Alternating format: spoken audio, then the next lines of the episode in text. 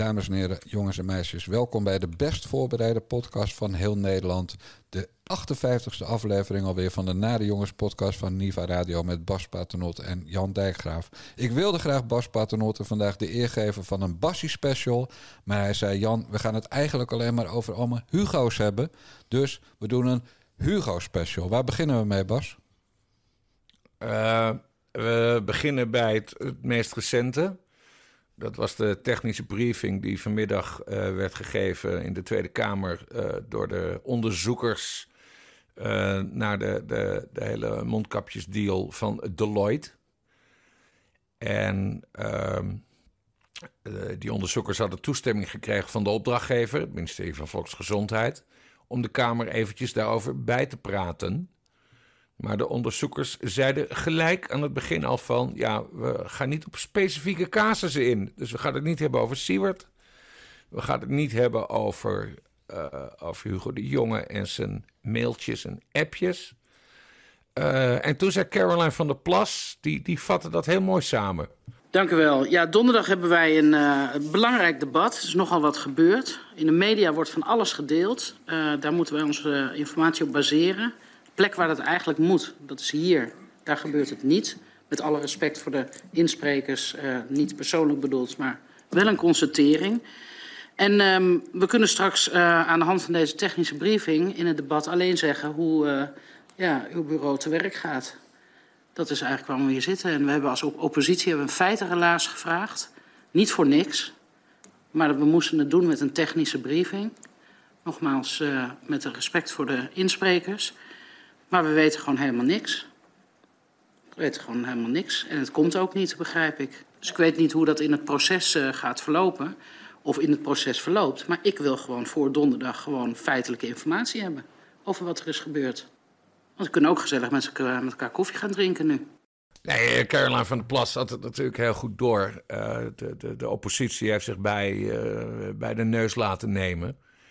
Uh, en we, gaan, we gaan even terug, terug, terug naar het begin. Uh, eind vorige maand werd bekend, dat was goed onderzoekwerk van de Volkskrant, dat Hugo de Jonge had gelogen. Hij was als minister, wist hij wel van de deal met Siewert van Linde.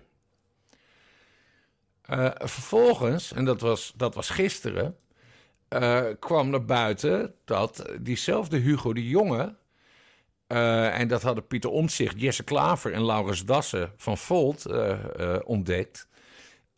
dat hij privé ook nog eens gebruik maakte van sms en WhatsApp berichten. En zijn privé-mailboxen.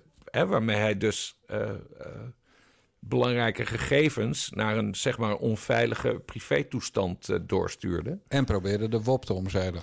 Ja, en dat, dat, dat, dat moeten we niet overdrijven. Want we weten inmiddels wel dat als er vanuit het ministerie iets naar een privéadres gaat, uh, dat het ook wopbaar is. Ja, ja. Dus, dus als hij dat zo echt heeft willen spelen, was dat, uh, was dat heel erg dom. Uh, maar vervolgens kwamen we dus ook nog eens in de situatie. dat donderdag is dus dat grote debat hè, over de mondkapjesdeal. Toen zei Hugo de Jonge: Ik kom daar toch naartoe.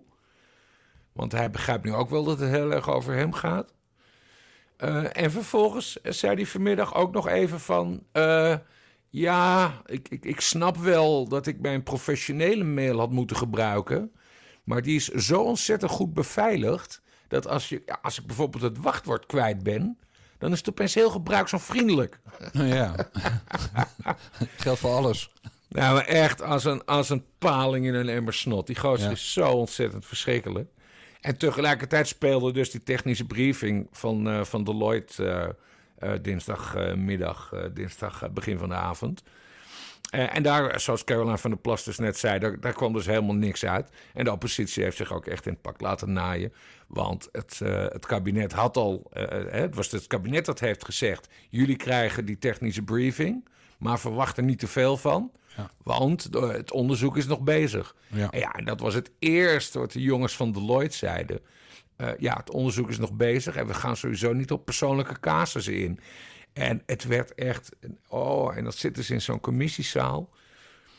En ik werd er zelf gedeprimeerd van, want je zag die hele sfeer, met name bij de oppositie, want coalitie wist wel dat dit het hele plan was. Maar je zag zich deprimeerder, uh, depressiever en depressief, depressiever worden. En, en het werd ook steeds matter. En, en Pieter Omzicht die zei, die had ook een hele mooie conclusie. Die zei, ja jongens, uh, even tegen de rest van de Kamer. Die jongens van Deloitte kunnen er niks aan doen. Hè? Die worden gewoon ingehuurd. Ja, dit is zo'n baan. Uh, maar misschien is het beter dat in de toekomst, als we zo'n eh, accountantsbureaus Deloitte onderzoek laten doen, dat niet het kabinet opdrachtgever is, maar dat wij als Tweede Kamer daar opdracht uh, toegeven. En dan hebben wij ook net wat meer invloed op vraagstelling, op terugrapportages. Ja. Nee, het was, uh, nee ze, waren allemaal, ze waren allemaal erg, uh, erg teleurgesteld. Dus je hebt gewoon weer een, een dikke halve dag voor de Katsenviool filmpje zitten kijken. Ja, uh, en, en, normaal maak ik voor Nieuw Nieuws een TPO. Dan ga ik een beetje monteren, bla bla bla. Maar een van de weinige zinnige dingen die werden gezegd. Uh, ja, dat was, dus, uh, dat was dus Caroline van der Plas van, van BBB. Pieter Omzicht dus. Ehm, Lisa Westerveld van GroenLinks. die stelde trouwens wel een hele interessante vraag. die vroeg aan die jongens van Deloitte... Ehm, in principe is de bedoeling dat jullie ons nu gaan bijpraten, maar dat gaan jullie niet doen.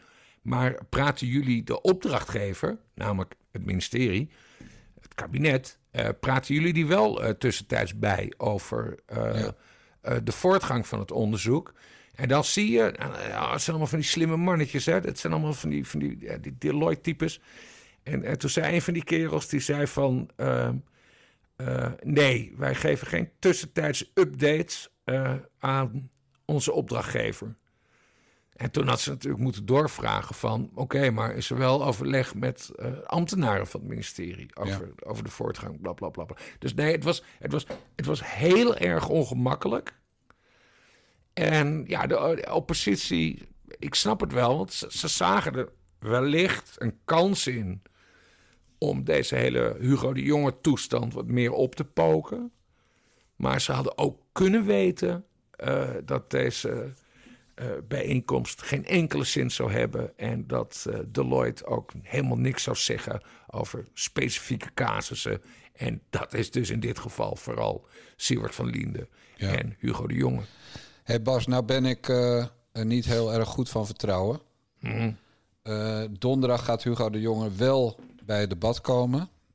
Is dat nou... Ja, ik, laat ik maar gewoon eerlijk zeggen. Ik denk dat het gewoon een smerige, vuile, vieze teringhond is. Ik mhm. denk echt dat hij daarheen gaat... omdat hij dan zijn showtje kan doen van... Uh, ja, even een debat overleven... door inderdaad weer als een paling in een emmer snot te gaan zitten glibberen... en alle vragen te ontwijken... en met woordspelletjes uh, uh, antwoorden te geven... die anders zijn dan de waarheid...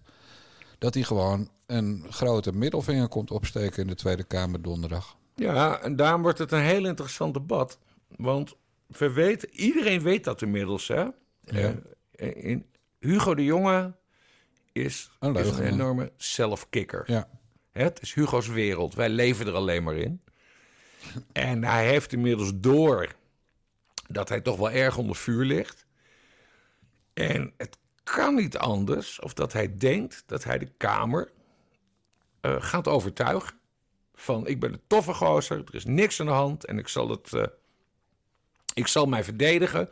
En aan het eind van de rit, dan gaat hij zeggen: Oh ja, dat, dat ben ik vergeten.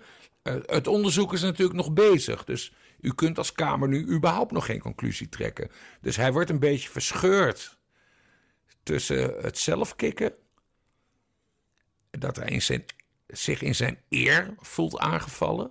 Want zo'n mannetje is het echt, ja. hè? Ja, ja. Hij snapt niet dat hij de vrouw... Hè, in principe, een minister is voor ons, de, de burger, de belastingbetaler. Uh, nee. Nu terug in de jaren negentig. Ja, nee, maar het is voor hem dus een persoonlijke kwestie. Ik heb nog nooit een minister meegemaakt die iets zo persoonlijks nam. Nee. Heb, heb, jij een voorbeeld? Nee. Nee, maar goed. Iedereen weet dat uniek daarin, hoor. Iedereen is, weet dat het een smerige leugenaar is. Ja. Hij had heel makkelijk onder het Kamerdebat uit kunnen komen. Door te zeggen: Sorry, ik ben geen minister van, uh, uh, van Volksgezondheid meer. Ja. Uh, en dan, dan had, hoe heet die mevrouw van de VVD? Helder. Helder het. Ja, die mevrouw Helder had het debat gedaan. En telkens als iemand dan in de Kamer over Hugo de Jonge begon... dan had Vera Bergkamp weer het riedeltje afgestoken met... we hebben het hier niet over mensen die er niet bij zijn... want Nee, meneer exact. Omzicht wil dat zelf ook niet, hè? Dat heeft hij duidelijk gemaakt. Dus dan was hij gewoon veilig door dat debat gekomen zonder te komen. Ja. Maar hij komt gewoon zijn middelvinger opsteken. Ja. En kijk, wat er ook gebeurt in dat debat... motie van wantrouwen mag ook, hè? Toch? Kan gewoon. ja, kan allemaal. Ja, nou dan gaat dus VVD, CDA, D66 en die vreselijke meloenenslikker van de ChristenUnie... die gaan dat, die motie niet steunen. En de SGP misschien ook niet. En Lianne Den Haan zeker niet. Dus dan, ja, dan is er een meerderheid eh, die nog alle vertrouwen in Hugo de Jonge heeft. ja. Of komt Ik er geen hou, motie? toch nog, ik hou toch nog rekening met een heel klein bijzonder mo mogelijkheidje. Eh, en dat is dat toch D66 misschien, misschien de VVD gaat zeggen van... eh we hebben geen vertrouwen in deze minister. Wij ondersteunen een motie van afkeuring. Dus dan niet de motie van wantrouwen, die al lang is aangekondigd door Wilders en door, Ja. door Van Hagen en al die types. Maar dat, dat een van de. Dat, dat de VVD of D66 even gaan laten merken van. Eigenlijk hebben wij helemaal niet meer zoveel vertrouwen in Hugo de Jonge. Maar dan moet hij weg. Nee, ja, en dan zijn ze namelijk van het probleem af. Ja, maar dan zegt... eh, zegt Want hij is, nu, hij, is nu, hij is nu minister van Wonen, hè? Ja. Ik bedoel, het, Ja, dat wordt zijn, ook weer niks. Het is zijn portefeuille niet meer. Hij, hij gaat het sowieso voor de kiezer krijgen bij, bij één of twee parlementaire enquêtes die, die nakende zijn. Eh, Hugo de Jonge is een, voor de huidige coalitie een serieus probleem. Want hij zorgt voor te veel rotzooi. Dus dan kun je als VVD of D66 en of de ChristenUnie kan het ook, alleen het CDA zal het niet doen. Kun je, kun, je, kun je heel makkelijk van dat probleem afkomen. Door gewoon heel duidelijk te maken: we hebben geen vertrouwen meer in Hugo de Jonge. En dan staat Hugo de Jonge maar één ding te doen. En dat is eh, diezelfde avond nog naar Huis ten Bos te gaan. En zijn ontslag bij de moedige vorst eh, in te dienen. En dan is het hele probleem Hugo de Jonge opgelost. En dan zegt En dan, en, dan, en dan maken we Stef Blok minister van Wonen. dat was hij al eerder. nee, maar, maar Wopke Hoekstra zegt dan... nou, dan trekken wij de stekker uit dit kabinet. Vrienden. Nee, maar je moet, dat is dus de grote vraag. Eh, hoeveel houdt het CDA van Hugo de Jonge? Hoeveel houdt de coalitie van Hugo de Jonge? Nou, iets zegt mij dat Hugo de Jonge is niet meer, is niet meer lovable. Dat op, eh, op het hoogtepunt van de coronacrisis... toen, toen kon hij nog die credit eh, aan zich plakken van... eh, en dat kon het CDA ook zeggen van... ja, oké, misschien gaat niet alles goed... maar deze pandemie is uniek... En eh, hij, hij, doet het zo, hij doet zijn best. En, en wij weten ook niet de antwoorden. Maar ja, nu is hij gewoon een, een haperende, haperende minister. Met overduidelijke issues, met schoentjes, met zelfkikken, met geen fouten willen toegeven. Eh, ja, misschien overschat hij zichzelf wel door donderdag naar de Kamer te gaan.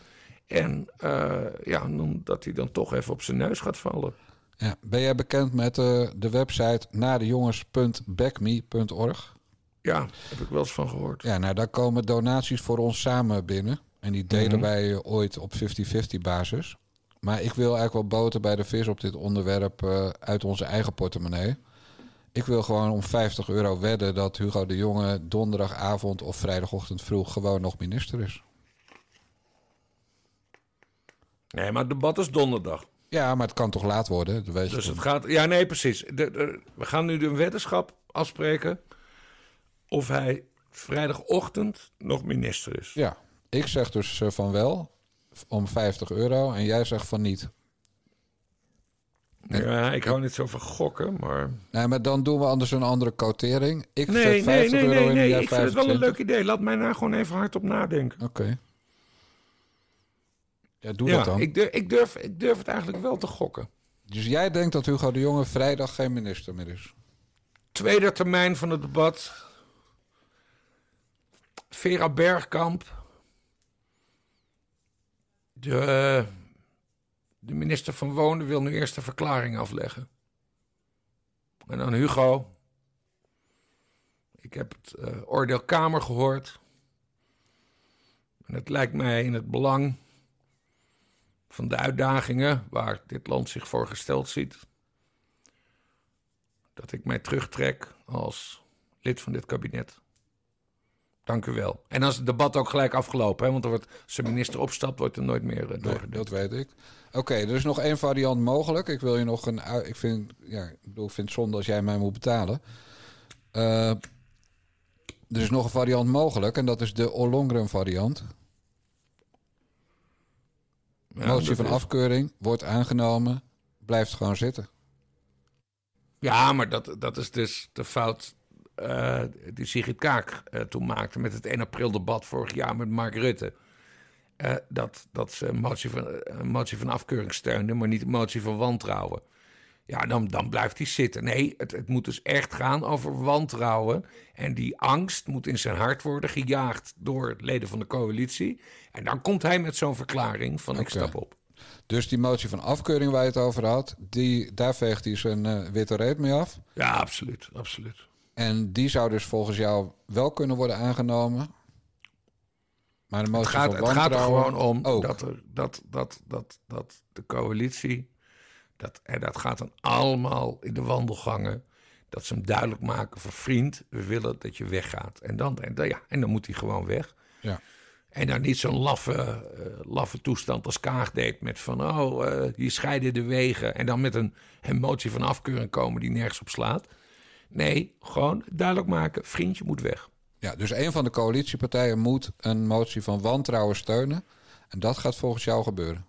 Ja, of hem duidelijk maken dat als het zover komt, dat ze hem zullen steunen. Dus dan wordt die motie niet in, in, uh, in stemming gebracht, maar dan, dan, dan, hè, dan, hoe heet dat, dan telt hij zijn knopen.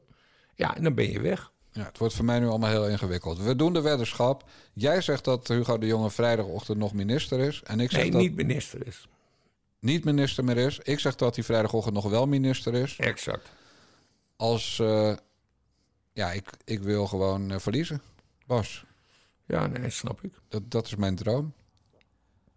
Snap ik. Hugo de Jonge weg, dan, dan zijn we nog maar één Sigrid Kaag uh, verwijderd van twee vreselijke mensenhaters in het kabinet.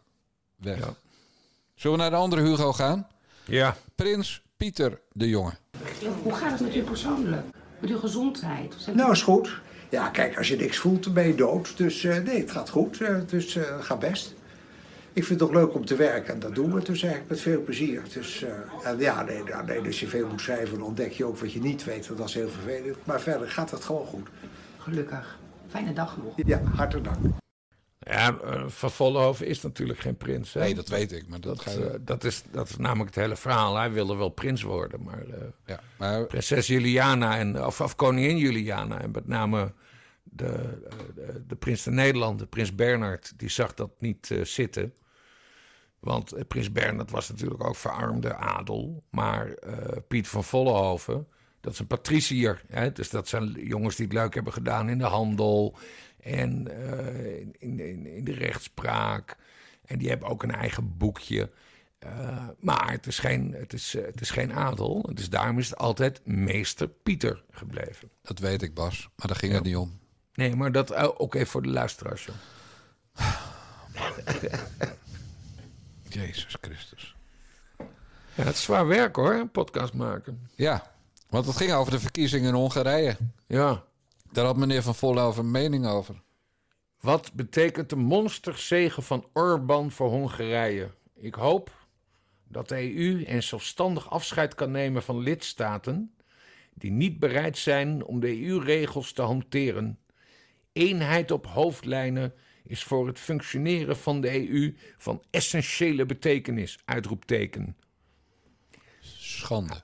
Hij is dus lid van het Koninklijk Huis. Hè? Hij ja. is niet alleen lid van de Koninklijke Familie. Nee, hij is dus ook nog lid van het Koninklijk Huis. Dus mocht, mocht, mocht, mocht, mocht de moedige vorst iets overkomen, uh, uh, de vorstin, uh, de prinsesjes. wie hebben we dan nog? broer Constantijn. Mocht, mocht, mocht het allemaal misgaan, weet ik veel, pas, oh, tijdens het skiën of in een vliegtuig, dan wordt de vrouw van Pieter van Vollenhoven koningin en hij dus koning. Nee, dat, dat, dan hoeft hij toch geen koning te heten? Dat moet het kabinet toch bepalen? Ja, maar goed, ze hebben van Maxima ook eh, koningin gemaakt. Ja, maar goed. goed, PvdA daar tegen was destijds. En toch zeiden ze van ze mag koningin worden. Oké, maar dus- waar het mij dus om gaat... eh, lid van het Koninklijk Huis. Hij valt dus onder ministeriële verantwoordelijkheid. Ik begrijp ook niet waarom er geen Kamervragen over zijn gesteld. Waar bemoeit meester Pieter met zijn grote oren zich mee? Weet jij wel heel zeker dat hij lid van het Koninklijk Huis is? Ja, want ik heb dat gecheckt. Want ik verkeerde in de veronderstelling dat hij... eh, Na de transwisseling hè, is de koninklijke familie uitgedund. Toen zijn Ja. eh, al die graafjes...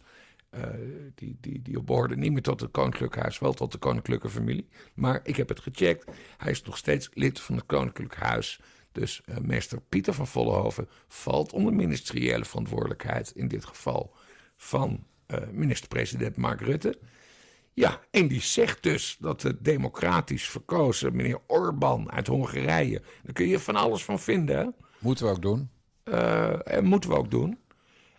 Maar dat hij vindt, ja, die, moet uit, die moet uit de Unie worden gesodemieterd. Nou, Ja. dat vind ik nog een stevige uitspraak voor het Koninklijk Huis. Ja, en dus voor de regering. En dus voor de regering. Ja, dus vindt Mark Rutte dat, dat Hongarije uit de EU moet worden geflikkerd, omdat democratisch bijna 70% van de Hongaren, nee sorry, 53% van de Hongaren, bij een opkomst van 70%, een grotere opkomst dan hier bij de gemeenteraadsverkiezingen, veel groter. Maar de Hongaren, Hongaren hebben dus democratisch besloten dat de partij van Orbán volledig aan de macht blijft. Zelfs Ja. een tweederde meerderheid in het parlement houdt. En dus echt de grondwet daar kan veranderen. En, en eh, de regering in Nederland via prins slash koning slash meester Pieter van Vollenhoven zegt... Met de eh, grote oren. ja, wegwezen Ja. uit de EU, want jullie lopen niet, eh, jullie, jullie, jullie zijn niet lief. En Hm. Pieter was natuurlijk niet de enige. Hè. Er waren ook heel veel politici ter linkerzijde, en voornamelijk vrouwen. Corine Ellemeet, de bejaardenkiller. Katie, Katy Piri eh, van de PvdA. Eh, hoe heet ze? Sophie in het veld van D66. Hm. Allemaal grote smoelen over, eh, over wat die Hongaren allemaal verkeerd hebben gedaan. Ja, omdat een democratische verkiezing niet tot het resultaat leidde waar zij op hadden gehoopt. Exact. En wat is dan de reden waarom, eh, waarom Orbán volgens die mutsen gewonnen heeft? Want ik noem het mutsen omdat het mutsen zijn. De Hmm. reden is propaganda via de media. Nou, en Ja, dat het hard las ik, lachen ja. bij Sofie in het veld. Maar ja, hij, hij schijnt, Orbán schijnt met overheidsgeld zijn eigen campagne gefinancierd te hebben. Zoiets was het. Een beetje zoals Kaags documentaire bij de VPRO bedoel je? Nou, daar moest ik dus ook aan denken. Ja. Het is namelijk niet oké om overheidsgeld te gebruiken voor je persoonlijke campagne. En die Orbán, kijk, het is, het is overduidelijk. Hij is een, eh, hij is een ander slag democraat dan, dan, dan wij verlichte democraten hier in, eh, hier in Holland. Ik bedoel, jij en ik, hè, wij vieren altijd de democratie. Hij staat er iets anders eh, in. Hij er ook redelijk fel in. En maar ja, goed. Sigrid Kaag die kreeg zelfs na de verkiezingen nog een documentaire... waar trouwens bijna niemand naar heeft gekeken. Nee, dat was goed, ja. Ja, Men is uh, Kaagzat aan het worden. ja. Nee, maar dat is, dat, kijk, dat is precies het punt. Eh Orbán is een schoft. Zeker op het gebied van persvrijheid. Eh, en ook hoe die met LGBH enzovoort in het alfabet allemaal omgaat. Dus Ja, het is een ja. schoft. Maar het Ja. is wel de schoft die ze in Hongarije willen hebben. ja. En dat heet democratie. En hij maakt onder, Hongarije, Hongarije maakt onderdeel uit van de Europese Unie. Dus eh, ze hebben trouwens eh, dat cijfer, dat heb ik onthouden. Ik weet dus niet of het klopt, dus daar kunnen we op worden afgemaakt.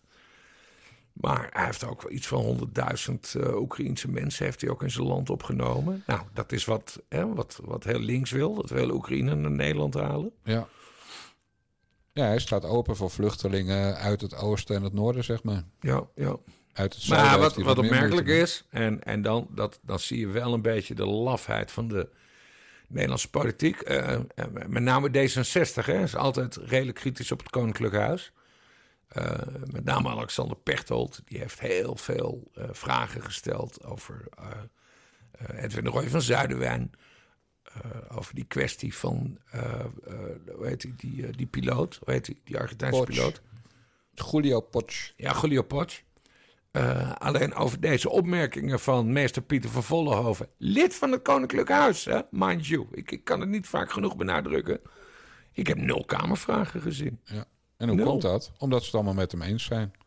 Ze zijn ontzettend voor democratie, zolang je maar stemt op hun partijen. En dat is wat uh, Baudet het kartel noemt. En wat ook een kartel is. Ja.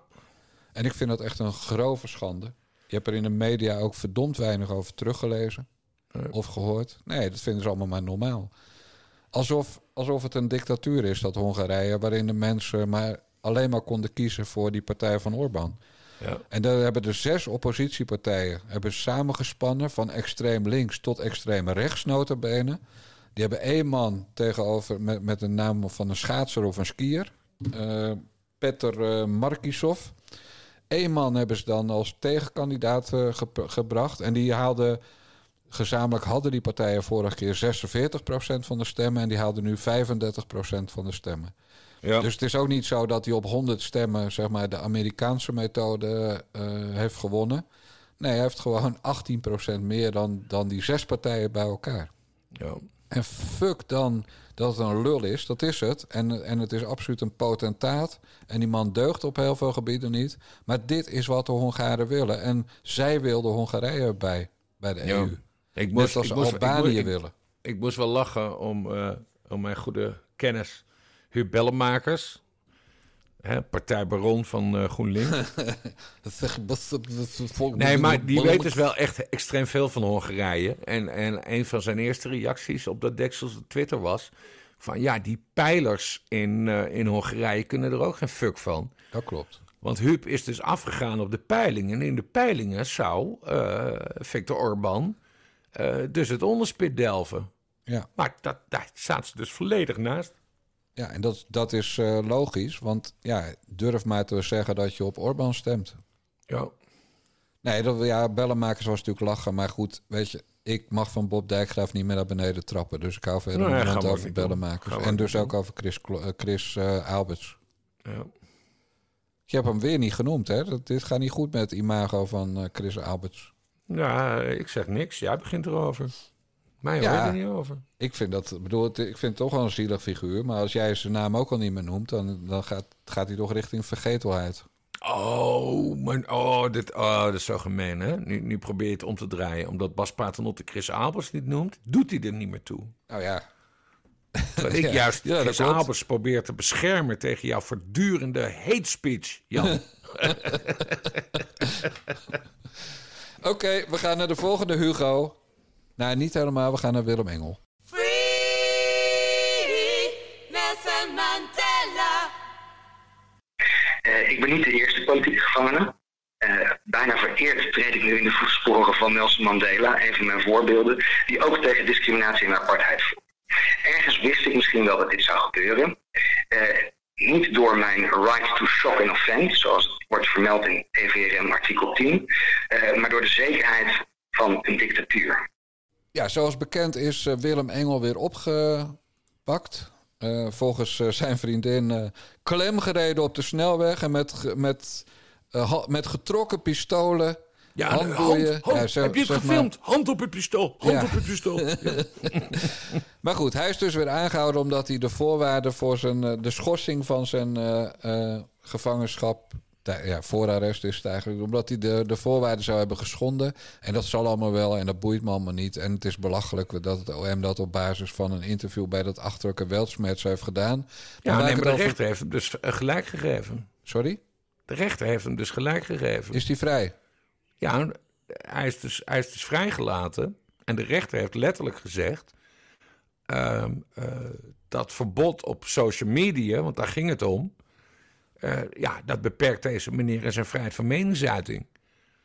Ja, nu, uh, nu weet En hij was dus niet eens op social media. Het was dus op dat weltsmerts. Dat is geen social media, dat is YouTube. Dat is heel iets anders. Maar nu weten de luisteraars dus dat ik het nieuws vandaag gemist heb. Ja, maar goed. Daarom, uh, maar de broer van mevrouw Dijkgraaf was op bezoek. Nee, maar... ah, goed, hij is... Maar... Nee, nee, nee. Ja, ja, ja, ja. Nee, je moet jezelf nu niet te veel in de put praten. Want jij hebt mij erop gewezen, daar heb je volgens mij ook een keer een briefje over geschreven. Over die nare meneer die uh, het liefst drie rijksdaalders krijgt.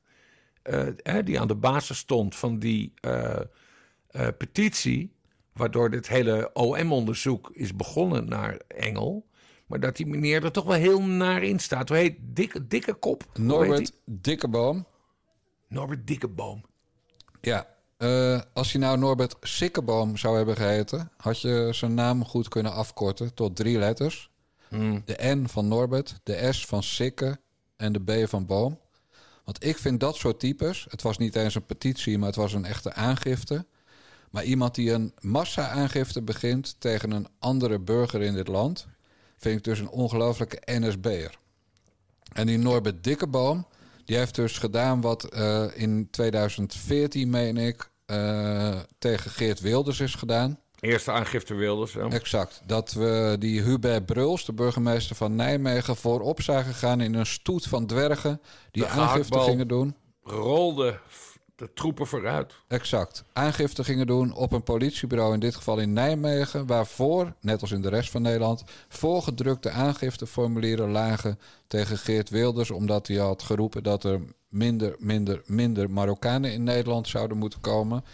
En Wilders expres vergat het woord criminelen in te voegen. Nou, we weten de afloop daarvan. Ja. Maar ik heb de mensen die toen hun handtekening hebben gezet ten zeerste veroordeeld. Eh, en niet alleen die domme moslima's die niet eens wisten waar ze, waar ze voor tekenen, maar gewoon iedereen. En vooral de BN'ers die tekenden. En datzelfde doe ik bij Engel. Als je Norbert Dikkeboom heeft geen enkel belang. Het is, het is gewoon een vieze, smerige aandachtsjunk uit het dorp van Volkert van de Graaf.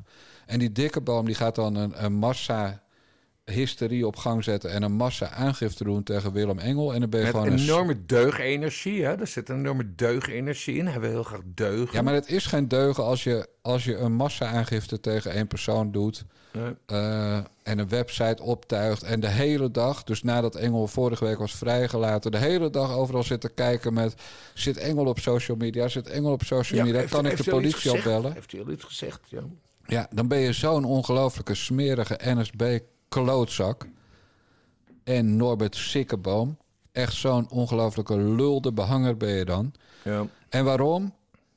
Aandacht. Ja, kijk, waar, waar het om gaat, hè? Ik, ik, ik juichte ontzettend toe dat eh, Willem Engel eh, inmiddels eh, verdacht wordt van, van opruiming.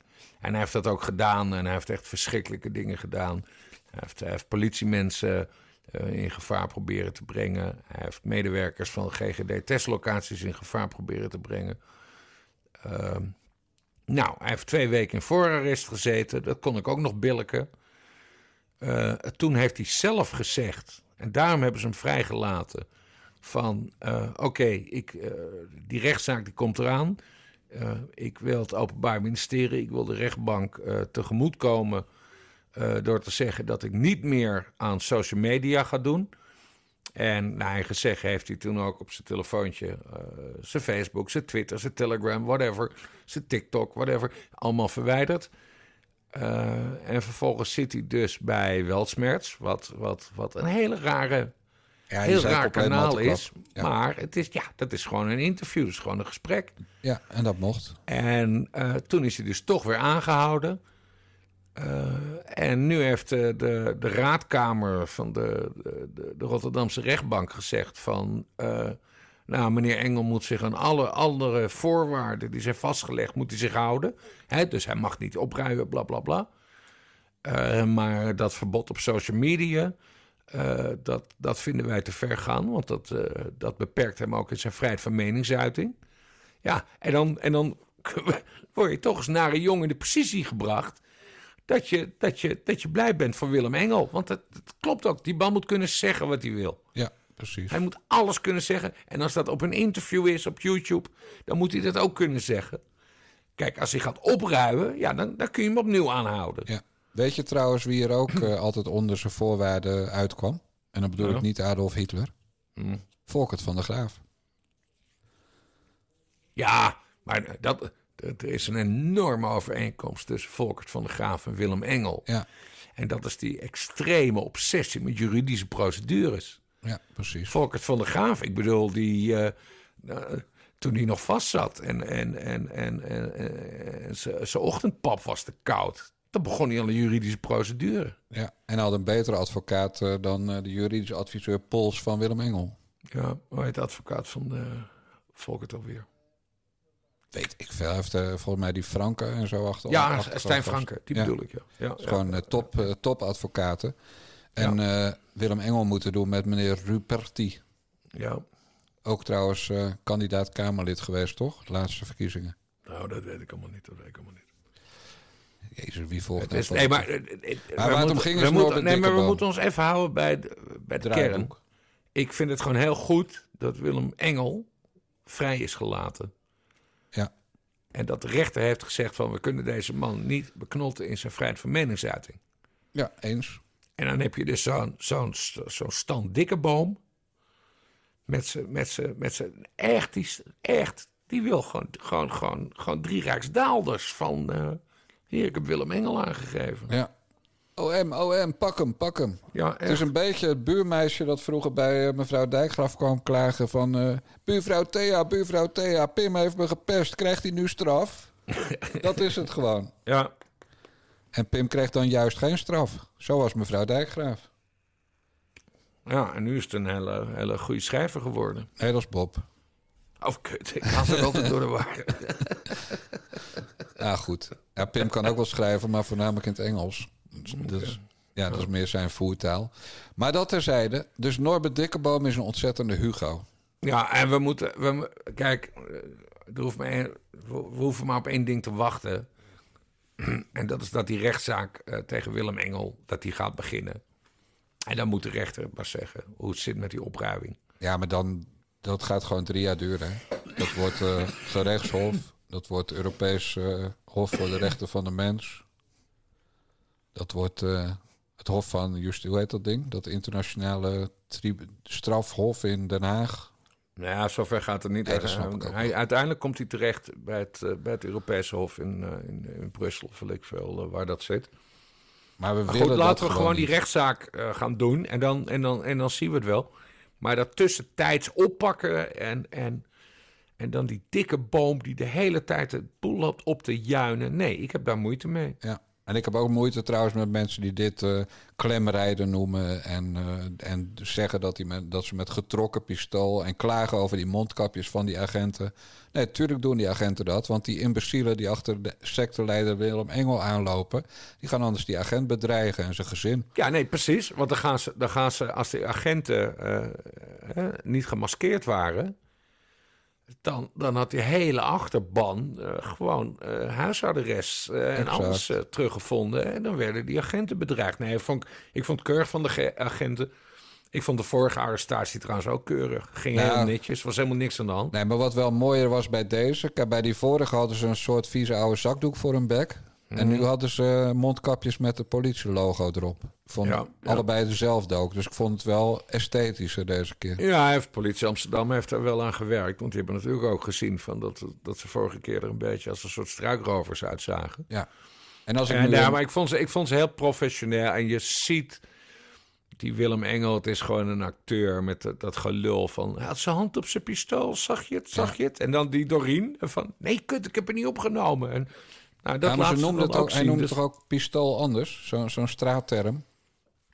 Vissa of zo. Weet, Nou ja, ik, ik weet dat natuurlijk niet als, als keurig opgevoede Hollandse jongen. Maar zo'n eh, zo'n straatterm die, ze, die Marokkaantjes gebruiken... had hij volgens mij voor pistool ook. Oké. Maar- Ik eh, ruik een eh, nieuw bruggetje, Jan Dijkgraaf. Nu we het over ordineel taalgebruik hebben. Nou, ik had het niet beter kunnen doen, Bas. We gaan naar een vrouwelijke Hugo. Hier zit ik dan. Ehm, Allereerst wil ik ehm, mijn oprechte excuses aanbieden aan iedereen eh, die hier betrokken bij is geraakt. De medewerkers van de Jumbo, de mensen met wie ik werk, iedereen om mij heen die hier betrokken bij is geraakt. Het spijt me. Dit was eh, een mevrouw die eh, in haar vrije tijd, eh, nadat ze tot tien heeft geteld, supermarkten sloopt. Samen met een knokploeg van eh, een stuk of vijf, zes, zeven andere mensen. En de minderjarige zoon. En haar minderjarige zoon, die in de omgeving van de Westerstraat in Amsterdam bekend staat als een straatratje. Dan weet ik allemaal niet of dat waar is. Maar waarom is dit nou een Hugo, uh, Bas? Omdat ze op 1 april, hè, mind you, 1 april... de grap uithaalde dat ze excuses aanbood voor het feit... dat ze 48 dagen eerder uh, de Jumbo-supermarkt in de Westerstraat in Amsterdam gesloopt had... nadat haar zoon daar was weggestuurd omdat hij in de winkel stond te roken. En die excuses waren zo nep met... een zucht Hmm. en Tranen? Was er sprake van tranen? Bas, ik ben aan het vertellen. Ik doe het even overnieuw. Met een zucht en lange stiltes. En dan ergens ook nog, hoewel alles uit zijn verband is gerukt, sorry voor alles. Maar mijn moederinstinct won het van mijn verstand. En ik had tot 10 moeten tellen. Nou, die vuile, vieze straatrat, die telde ongeveer tot 100.000. Want er zat uren tussen het moment dat die teringleier liep te roken in die winkel... en een medewerker voor zijn bek sloeg... en het moment dat zij met de knokploeg de hele winkel kort en klein kwam slaan. Dus ze Ja. loog dat ze barstte. En ik zei meteen, want ik had daar natuurlijk een briefje van Jan over geschreven...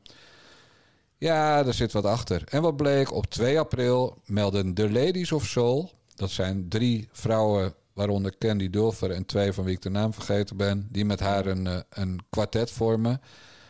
Nou, eh Glennis kan gewoon meedoen met ons optreden eind september... want ja, dit was een samenloop van omstandigheden... en ze heeft oprechte excuses aangeboden.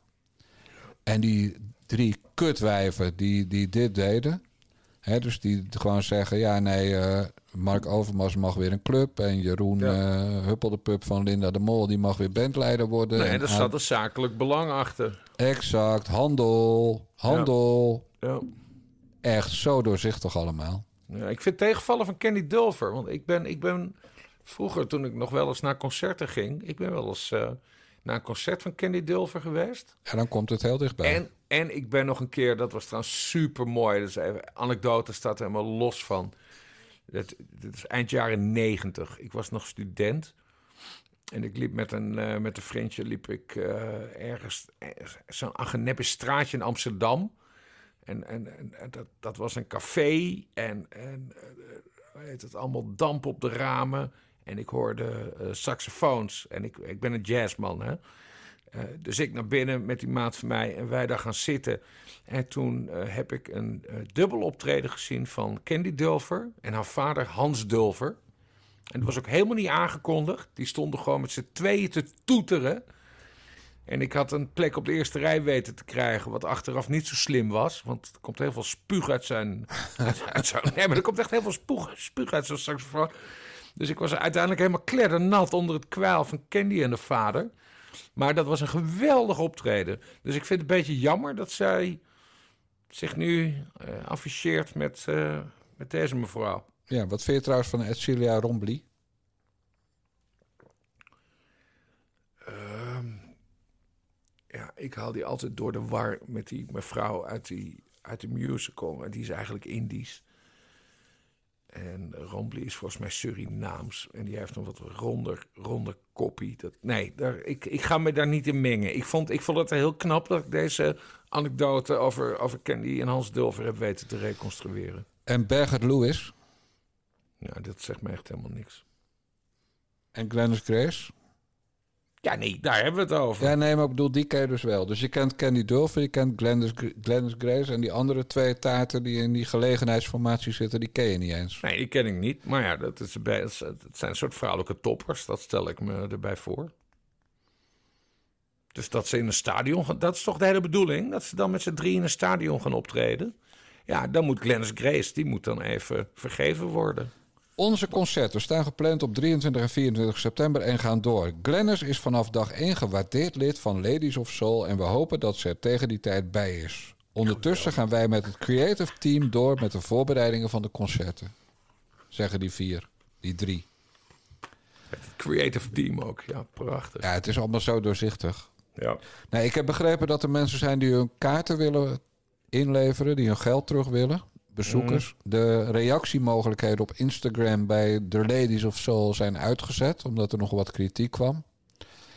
Ja, weet je, het is. Het is Ja, een samenloop van omstandigheden inderdaad. Als je je zo niet opvoedt. Hij staat te roken in de winkel. Hij wordt erop gewezen dat dat niet mag. Hij slaat een ventje voor zijn smoel. Hij gaat eh, klagen bij zijn moeder met mama, ze pesten me. Natuurlijk omdat ik zwart ben. En dan met dat kutaccent, in, ah, dat Amsterdamse kutaccent... of die Marokkaanse straattaal van hem, weet ik veel. En dan, ga, dan trommelt zij een stel vrienden op... en dan gaan ze verhaal halen in, de, in zo'n supermarkt. Ja. Ja, en dan, dan zou het dom zijn dat je denkt... oh nee, supermarkten, er hangen geen camera's hoor. Nee. Nee, En eh, ja, dan komt dat eh, nieuws, dat komt eh, naar buiten via een Juice Channel. Je weet inmiddels wat dat is, hoop ik, hè? Maar ik wil nog één ding zeggen. Daarna gaan we, gaan we naar de Juice Channel. Maar eh, ik zit te denken, die dikke boom, die gaat hier natuurlijk ook over zeiken. Die gaat dan dat hele concert gaat die boycotten. Ik denk dat hij een, eh, collectieve aangifte gaat doen. Websiteje Ja. bouwen. En dan, en dan ben ik dus gelijk, omdat ik het altijd opneem voor de underdog dan. Voor Dan ben ik dus weer voor Glenn's Grace. Ja. Zie je hoe het gaat? Ik weet hoe dat werkt bij jou. Ja. Ja. Alleen niet bij Hugo. Bij Hugo de Jonge, die, daar zal ik, zal ik het nooit voor opnemen. Nou, dat weet ik nog zo net niet, hoor. Kijk, jij, hebt- jij, hebt het, ja, je hebt het ook voor Siewert heel lang opgenomen. Ja, maar jij ook. Nee, Zullen we nou krijgen? nee, nee, nee. nee Jawel, nee, jij en ik waren beide geschokt dat wij ons hebben verkeken Ja, geschokt. op Maar- Siewert van Linden. Maar toen jullie aan de rechterzijde allemaal nog achter Siewert aanliepen... Hè, die eerste weken, toen bekend werd dat hij zijn zak had gevuld... toen had, En, ik, en jij op dat linkse TPO. toen had ja? ik al een briefje dat het de schoft was. Meteen. Ik had meteen door van ja, ze hebben gewoon gelijk. Siewert is gewoon een smerige teringleier. Hm. Blijft gewoon toch een jochie van de Veluwe. Dat dacht ik. Ja. Oké, Juice Channels. Ja, en, en er is één Juice Channel dat altijd loopt te huilen... dat ze nooit worden genoemd in de echte media. Dus bij de Nare Jongens gaan we juist dat Juice Channel aan het woord laten. Mijn bloedgabber, Jan Roos. Ik heb net. eh, ik heb net Tanja gesproken en. ehm, ja, ik zit er echt doorheen, man. En eh dit komt niet goed.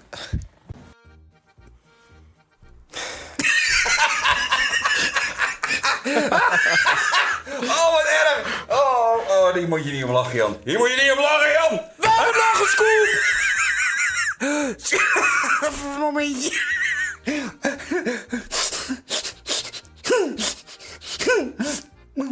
Kom niet goed. Scoop! Oh, man. Officieel door Roddelpraat is het eerste huwelijk, BN'er huwelijk, van Nederland verbroken. Nou, omdat dit over roddel en achterklap gaat, Bas... neem ik aan dat ik jou weer moet bijpraten. Of... ja, want ik volg dit allemaal voor geen meter. Oké, nou, Jantje Roos heeft dus een Juice Channel met Dennis Schout. Jantje Roos lag in de goot nadat hij eh, niet in de Tweede Kamer kwam bij de verkiezing van 2017. Jantje Roos bleef daar heel lang boos over en teleurgesteld en weet ik het allemaal. En toen hebben een aantal vrienden van Jan Roos die het beste met hem voor hebben. Ik, ik ken er twee, Erik de Vlieger en ikzelf, hebben tegen hem gezegd: Jan, jij moet gewoon weer de clown worden. Het matroosje. Je moet gekke dingen gaan doen. Nou, en wij dachten wel aan grappige dingen, maar uiteindelijk werd het naast het testen van allerlei producten. Met Ja, ik heb hem een keer in een pannetje zien kotsen. Dat Precies. iets gemaakt en dan ging iedereen kotsen en dat ging hij uitzenden. En toen had ik iets van, nou, leuk Jan. Ja, Jan is eraan teruggekomen. Nou, en uiteindelijk heeft dat geresulteerd in de oprichting van een Juice Channel met de naam Roddelpraat. Dat doet hij samen met Dennis Schouten. En eh, dat Juice Channel heeft diverse primeurs gehad. Bijvoorbeeld Marco Borsato, Ali B. Maar die werden dan steeds toegeschreven aan een ander Juice Channel. Juice betekent trouwens voor de blonde luisteraars onder ons roddel.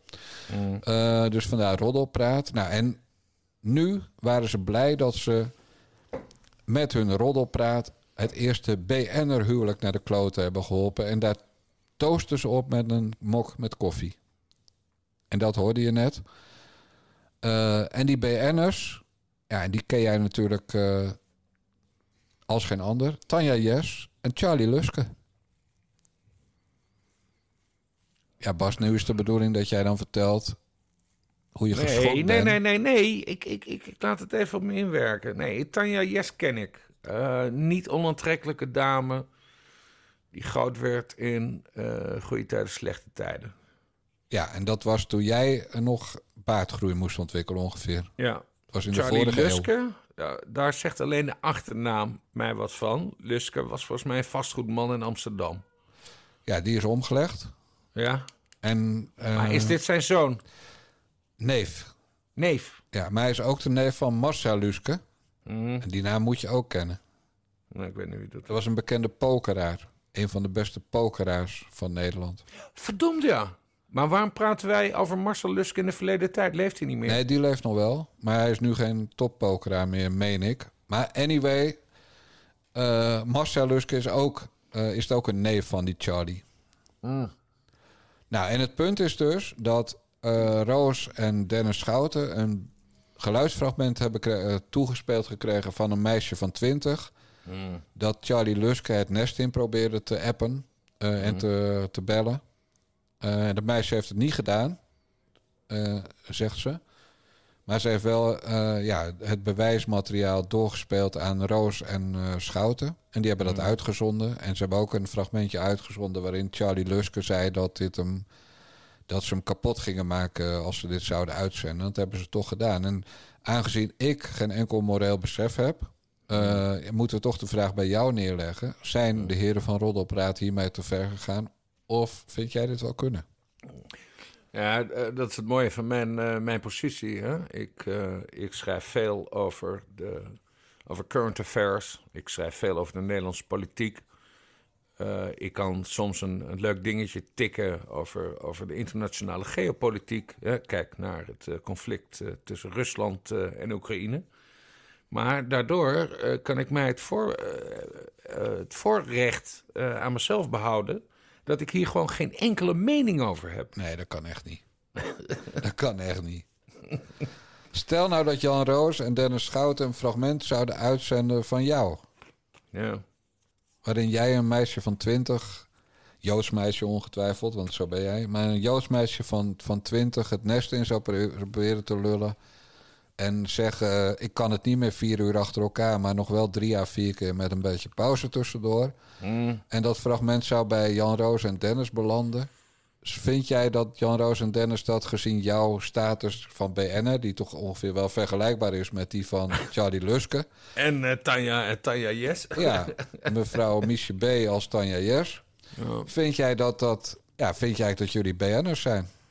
Ja, nee, maar ik ben geen BN'er. En, Maar eh, Charlie Luske ook niet en Tanja Jes ook al lang niet meer. ja, ja, ja, dat is het punt. Ik vind dat Nee, ze alles kijk, moeten kunnen Jan doen. Roos eh, en die Schouten... die hebben ervoor gekozen in, in deze juice-toestand te gaan. Ehm, ik heb daar verder geen oordeel over. Maar ja, als het werkt, ja, dan, dan werkt het. Dan ook niet gaan zeiken als je een rechtszaak eh, achter je aan krijgt. Nee, dat doen ze ook niet. En eh, ja, ga met die banaan. Het is, ja, ik luister er niet naar, ik kijk er niet naar. Ik weet er te weinig eh, van. Maar daar hadden we het vorige week toch ook al over. Zo over Maan. Maan was de oppas van Jan Roos toen hij nog met zijn vorige vrouw was. Ja. Oké. En Maan schijnt nog wel wat meer dingen mee aan de hand te zijn. Maar ik heb, ik heb dus geen zin in een proces en dan 27.000 euro advocaatkosten te moeten betalen. Nee, en daarom brengen wij nooit... Anders, anders waren we wel eh Dijkgraaf Paternotte Juice begonnen.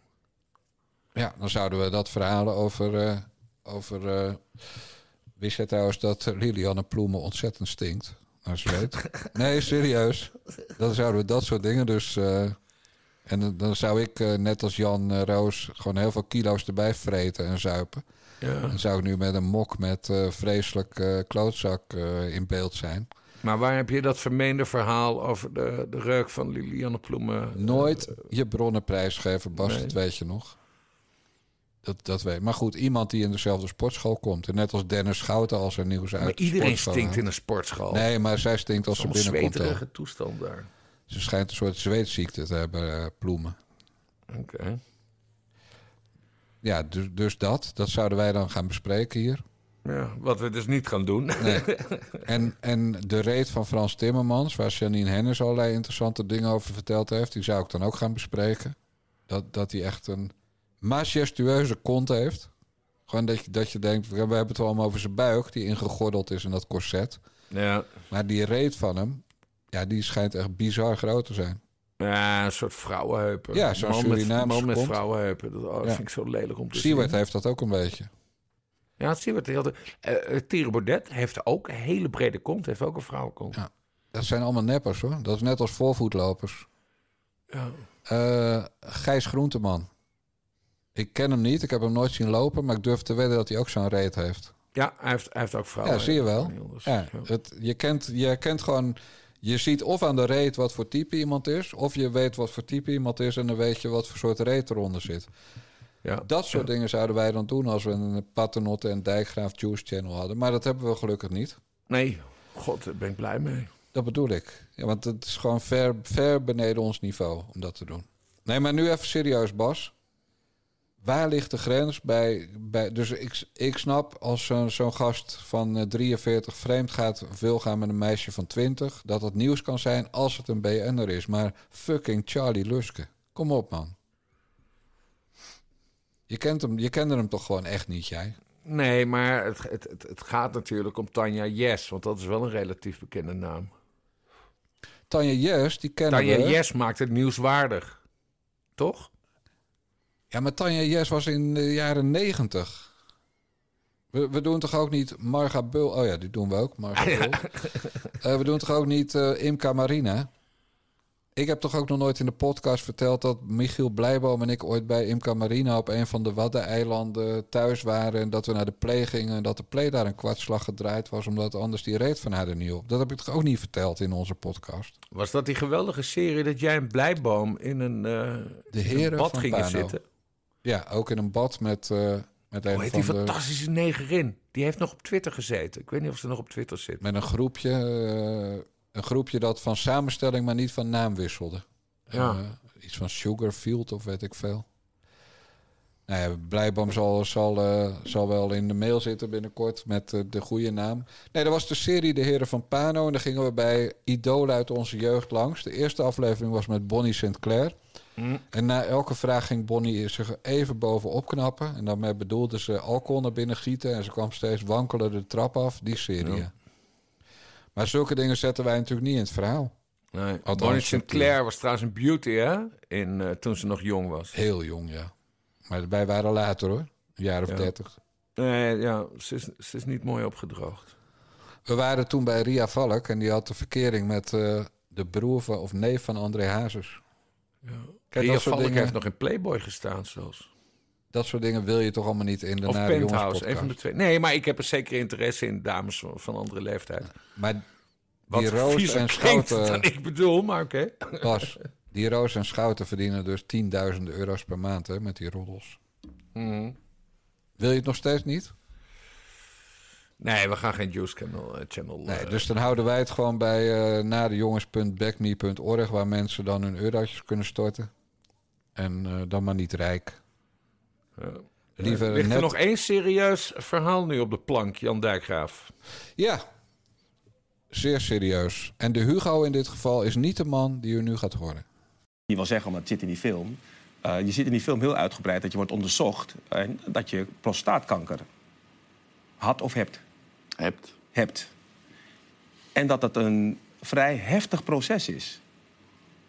Ja. Maar dat is een onderdeel van mijn leven. En Geert-Jan filmt niet alleen de coach, maar ook de mens achter de coach. Dat wilde ik zelf heel erg graag. Ja, dan heb je een keuze. eh, laat je dat de mensen zien of niet? Nou, ik vind dat het een onderdeel van, van het leven is. Ik heb zoveel meegemaakt eh, met ziektes, met de dood in mijn eigen familie, mijn eigen vrouw. Dus ja, dat hoort gewoon bij het leven. En ik ben eh, waarschijnlijk rijker geworden als mens door al die ervaringen die ik daarmee heb gehad. En ik vond dat dat ook in de film moest. Goed, zondagavond bereikte ons het droevige nieuws dat Louis van Gaal al ruim een jaar lijdt aan prostaatkanker. En dat maakte hij bekend via eh, het programma Umberto, waar hij zat om reclame te maken voor de documentaire die over zijn leven is gemaakt en binnenkort in de bioscoop komt. Eh, en dat is natuurlijk treurig voor Louis van Gaal en voor Truus en voor zijn dochters enzovoort enzovoort. Eh, maar maandag kwam Johan Derksen, bekend van eh, Vandaag Inside, het vroegere VI, het vroegere Voetbal Inside, het vroegere VI Inside, weet ik hoe het allemaal geheten heeft. En Mhm. Louis van Gaal, of Johan Derksen vond, ja, je kan het ook niet exploiteren, zo'n ziekte. Even de korte versie. De ongenuanceerde versie. Ja. En dan denk ik, godverdomme. Twee keer heeft nu Angela de Jong bij, eh, bij eh, Vandaag in Site gezeten. En twee keer zat ze verliefd naar die oude man van de, die Derksen te kijken. En Angela de Jong is dus degene over wie we kort geleden nog zeiden... dat het schandalig was hoe zij liep te janken... dat Piet Paulusma zijn ziekte niet exploiteerde. Ja. En daar horen we Derksen dan niet over. Over zo'n faux pas van Angela de Jong. Dan houdt hij zijn bek dicht. Ja. En nu doet Van Gaal wat Angela de Jong wil, namelijk maak het bekend. En Van Gaal doet dat niet om het te exploiteren van... er gaan veel mensen naar mijn film kijken. Want ik ga juist niet naar die film kijken... omdat ik erg bang ben voor witte jassen. Eh, maar dan doet Van Gaal het omdat hij aandacht wil, wil geven aan kanker. In dit geval prostaatkanker. Omdat zijn eerste vrouw is overleden aan kanker. En dat vond hij een heel vernederende ervaring. Hè, zoals we Mhm. allemaal in zijn biografie hebben kunnen lezen. Hoe, eh, hoe, hoe, ja, hoe een lichaam Ja, die verteert. mensen die aan het kant van, eh, van het veld stonden te schreeuwen, weet je nog? Ja, dat was helemaal schandalig. Ja. Ik Dat was bij, mijn club Oh, zelfs. man, man, man, Vreselijk. Maar in elk geval, hij doet dat dus om aandacht voor die ziekte te vragen. Hè, wat, wat we altijd heel goed vinden. Waar Nee, we maar weten we dat zeker trouwens? Dat heeft hij gezegd. even een vraag die ik in jou stel. Ja, dat heeft hij gezegd. Dat hij het daarom doet. Maar vertrouwen wij Van Gaal daarin? Kijk, Louis van Gaal die heeft geen prostaatkanker nodig om zich te profileren en om goede interviews te geven. Heel goed punt. Dus Louis van Gaal, ik geloof hem, ik geloof hem daarin. Ik geloof dat hij oprecht is in, eh, eh, in, in zoals hij over zijn eerste vrouw, en zijn overleden vrouw heeft gesproken. Toen vond ik hem ook heel echt. Kanker Eh, is voor hem een ding. Ja, absoluut. Eerst zijn eerste vrouw.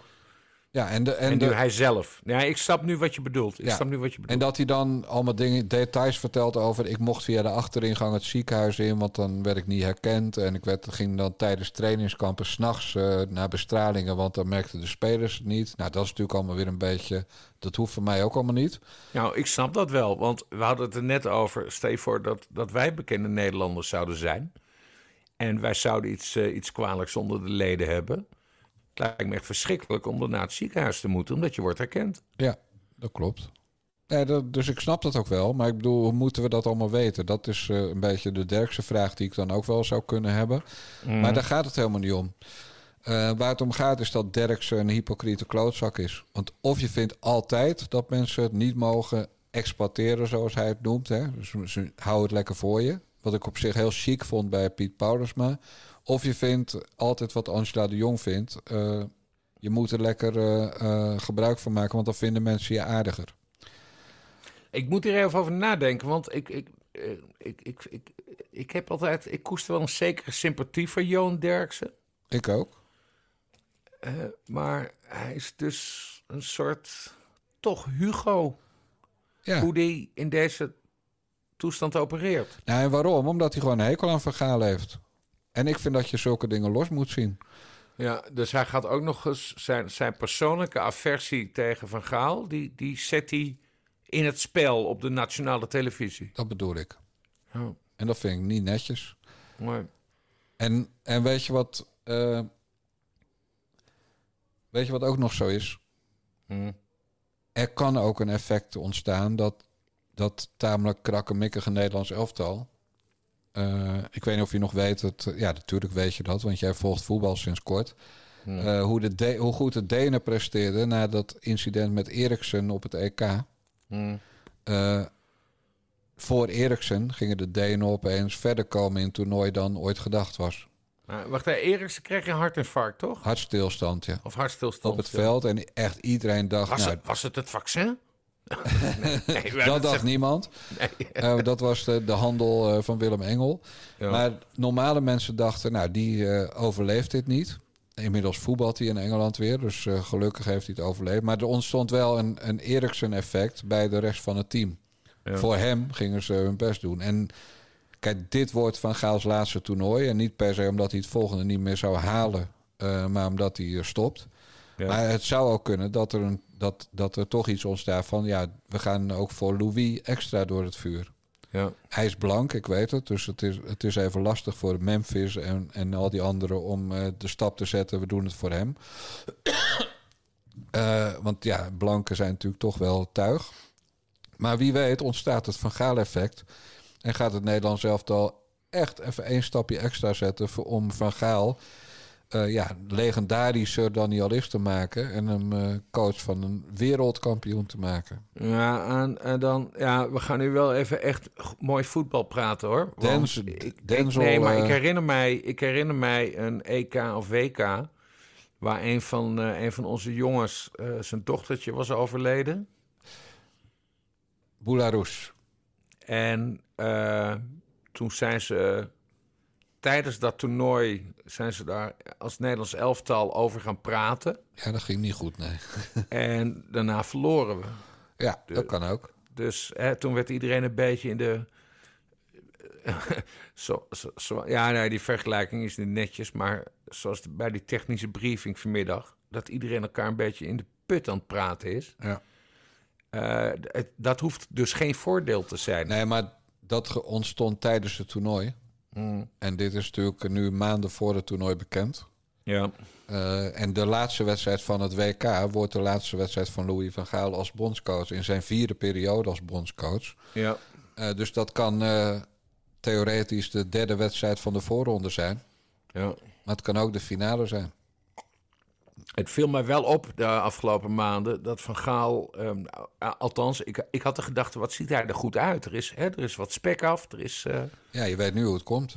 Ja, en nu weten we dus hoe het komt. Dat is het rare. Hij zag eigenlijk jonger uit. En, maar nu blijkt het dus een hele nare ziekte onder de leden eh, te zijn. Ehm,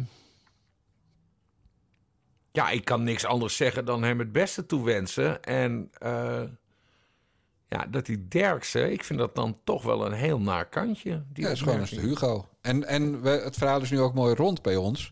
Want wie neemt het al tijden op voor Hugo de Jonge? Moet ik het weer invullen? Ja, Nog een in. keer Bas. Ik zal het eerst zachtjes tegen... Ja, je moet dan zeggen als antwoord Johan Derksen. Want Bas, wie neemt het al tijden op voor Hugo de Jonge? Heeft Johan Derksen dat gedaan dan? Nog een keer. Je moet gewoon antwoorden en verder je muil houden. Johan Derksen. Want Johan Bas, Derksen. wie neemt het elke dag bijna op voor eh, Hugo de Jonge? Johan Derksen. Precies. Mooi hè? Hele ronde aflevering van de Hugo Special. Dames en heren, dit was de 58ste aflevering van de Nare Jongens podcast van Niva Radio. Onze website is bla bla bla. Doneren, wel belangrijk, kan bij de Nare Jongens podcast op tpo.nl via narejongens.backme.org of via bunk.me slash Niva Radio. Wij zeggen de mazzel. Doei doei.